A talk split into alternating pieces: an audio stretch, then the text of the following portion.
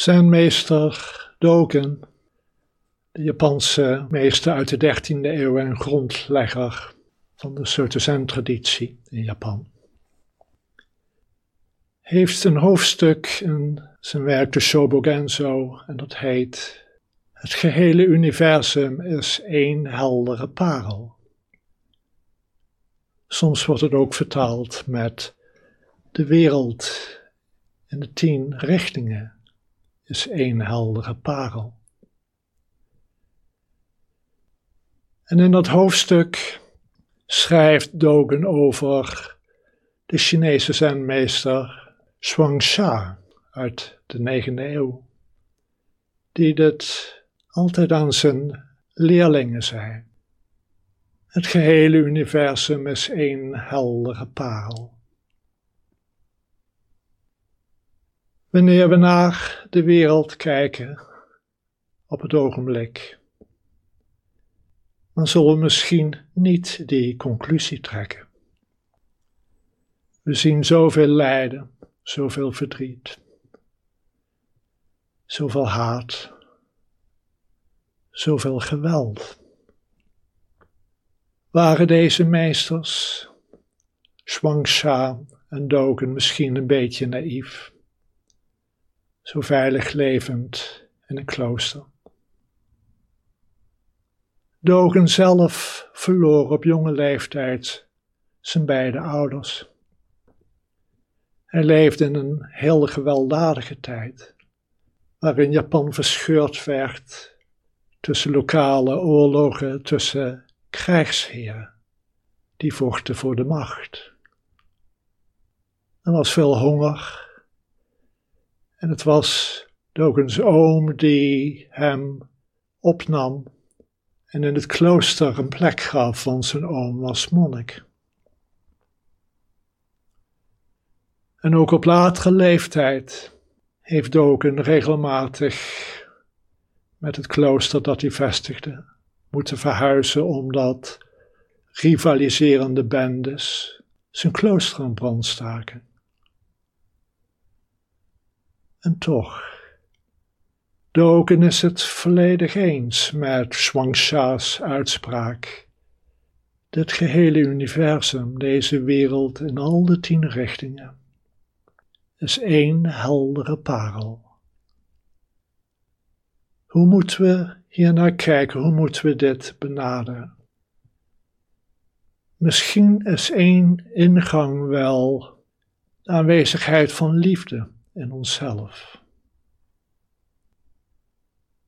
Elk mens dat geboren wordt, kent liefde. Hij of zij wil het geven, hij of zij wil het ontvangen. En dat geldt ook voor alle dierlijke wezens. Hoe de geschiedenis ook verloopt, met zijn hoogtepunten en de dieptepunten. Elk nieuwe geboorte is ook weer de nieuwe geboorte van liefde. En ook in deze tijd zien we daar veel voorbeelden van. Je hoeft maar op YouTube te kijken en er zijn heel wat filmpjes van mensen die heel bijzondere, liefdevolle dingen doen hun eigen leven in de waagschaal stellen om anderen te redden. En ook gedurende de vreselijke oorlogen die gaande zijn, bijvoorbeeld nu in Gaza, zijn er mensen die vanuit liefde eindeloos goed doen. Toch hoeft liefde niet per se naar heilzame daden te leiden. Het kan ook naar zeer onheilzame daden leiden. Want liefde kan gevangen raken in een verkeerd inzicht over onszelf en de ander. En dan leidt het al gauw naar haat en hebzucht. De twee meest pregnante tekenen van onwetendheid. En toch Onder al die haat en die hebzucht zit een vorm van liefde, hoe pervers de uiting in de acties ook mogen zijn.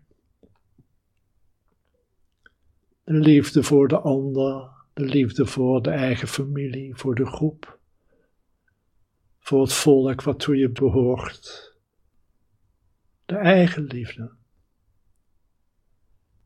Wil liefde leiden naar heilzaam handelen, dan zullen we het vrij moeten zetten met juist inzicht, precies zoals de Boeddha zei.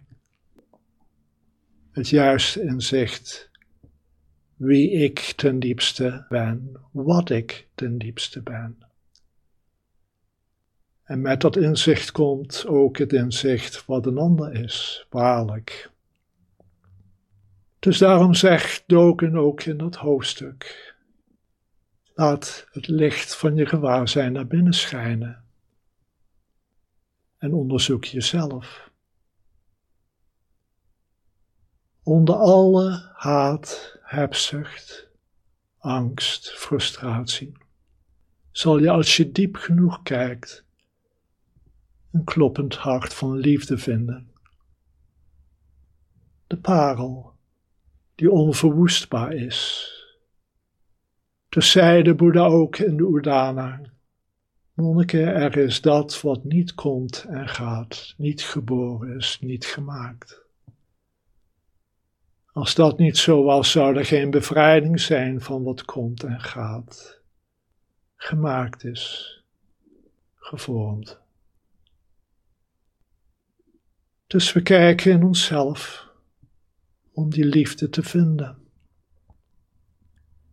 En we kunnen voorbij de liefde gaan, want waar komt die liefde uit voort? Wat is het wat de bron is van die liefde die niet gedoofd kan worden?